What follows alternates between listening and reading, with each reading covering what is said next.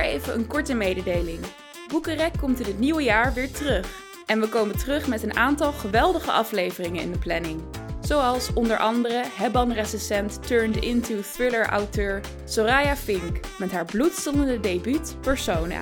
En auteur-slash-journalist Stefan Popa met zijn nieuwe boek Of de oleander de winter overleeft. Een onvergetelijk boek over een vergeten volk in Macedonië.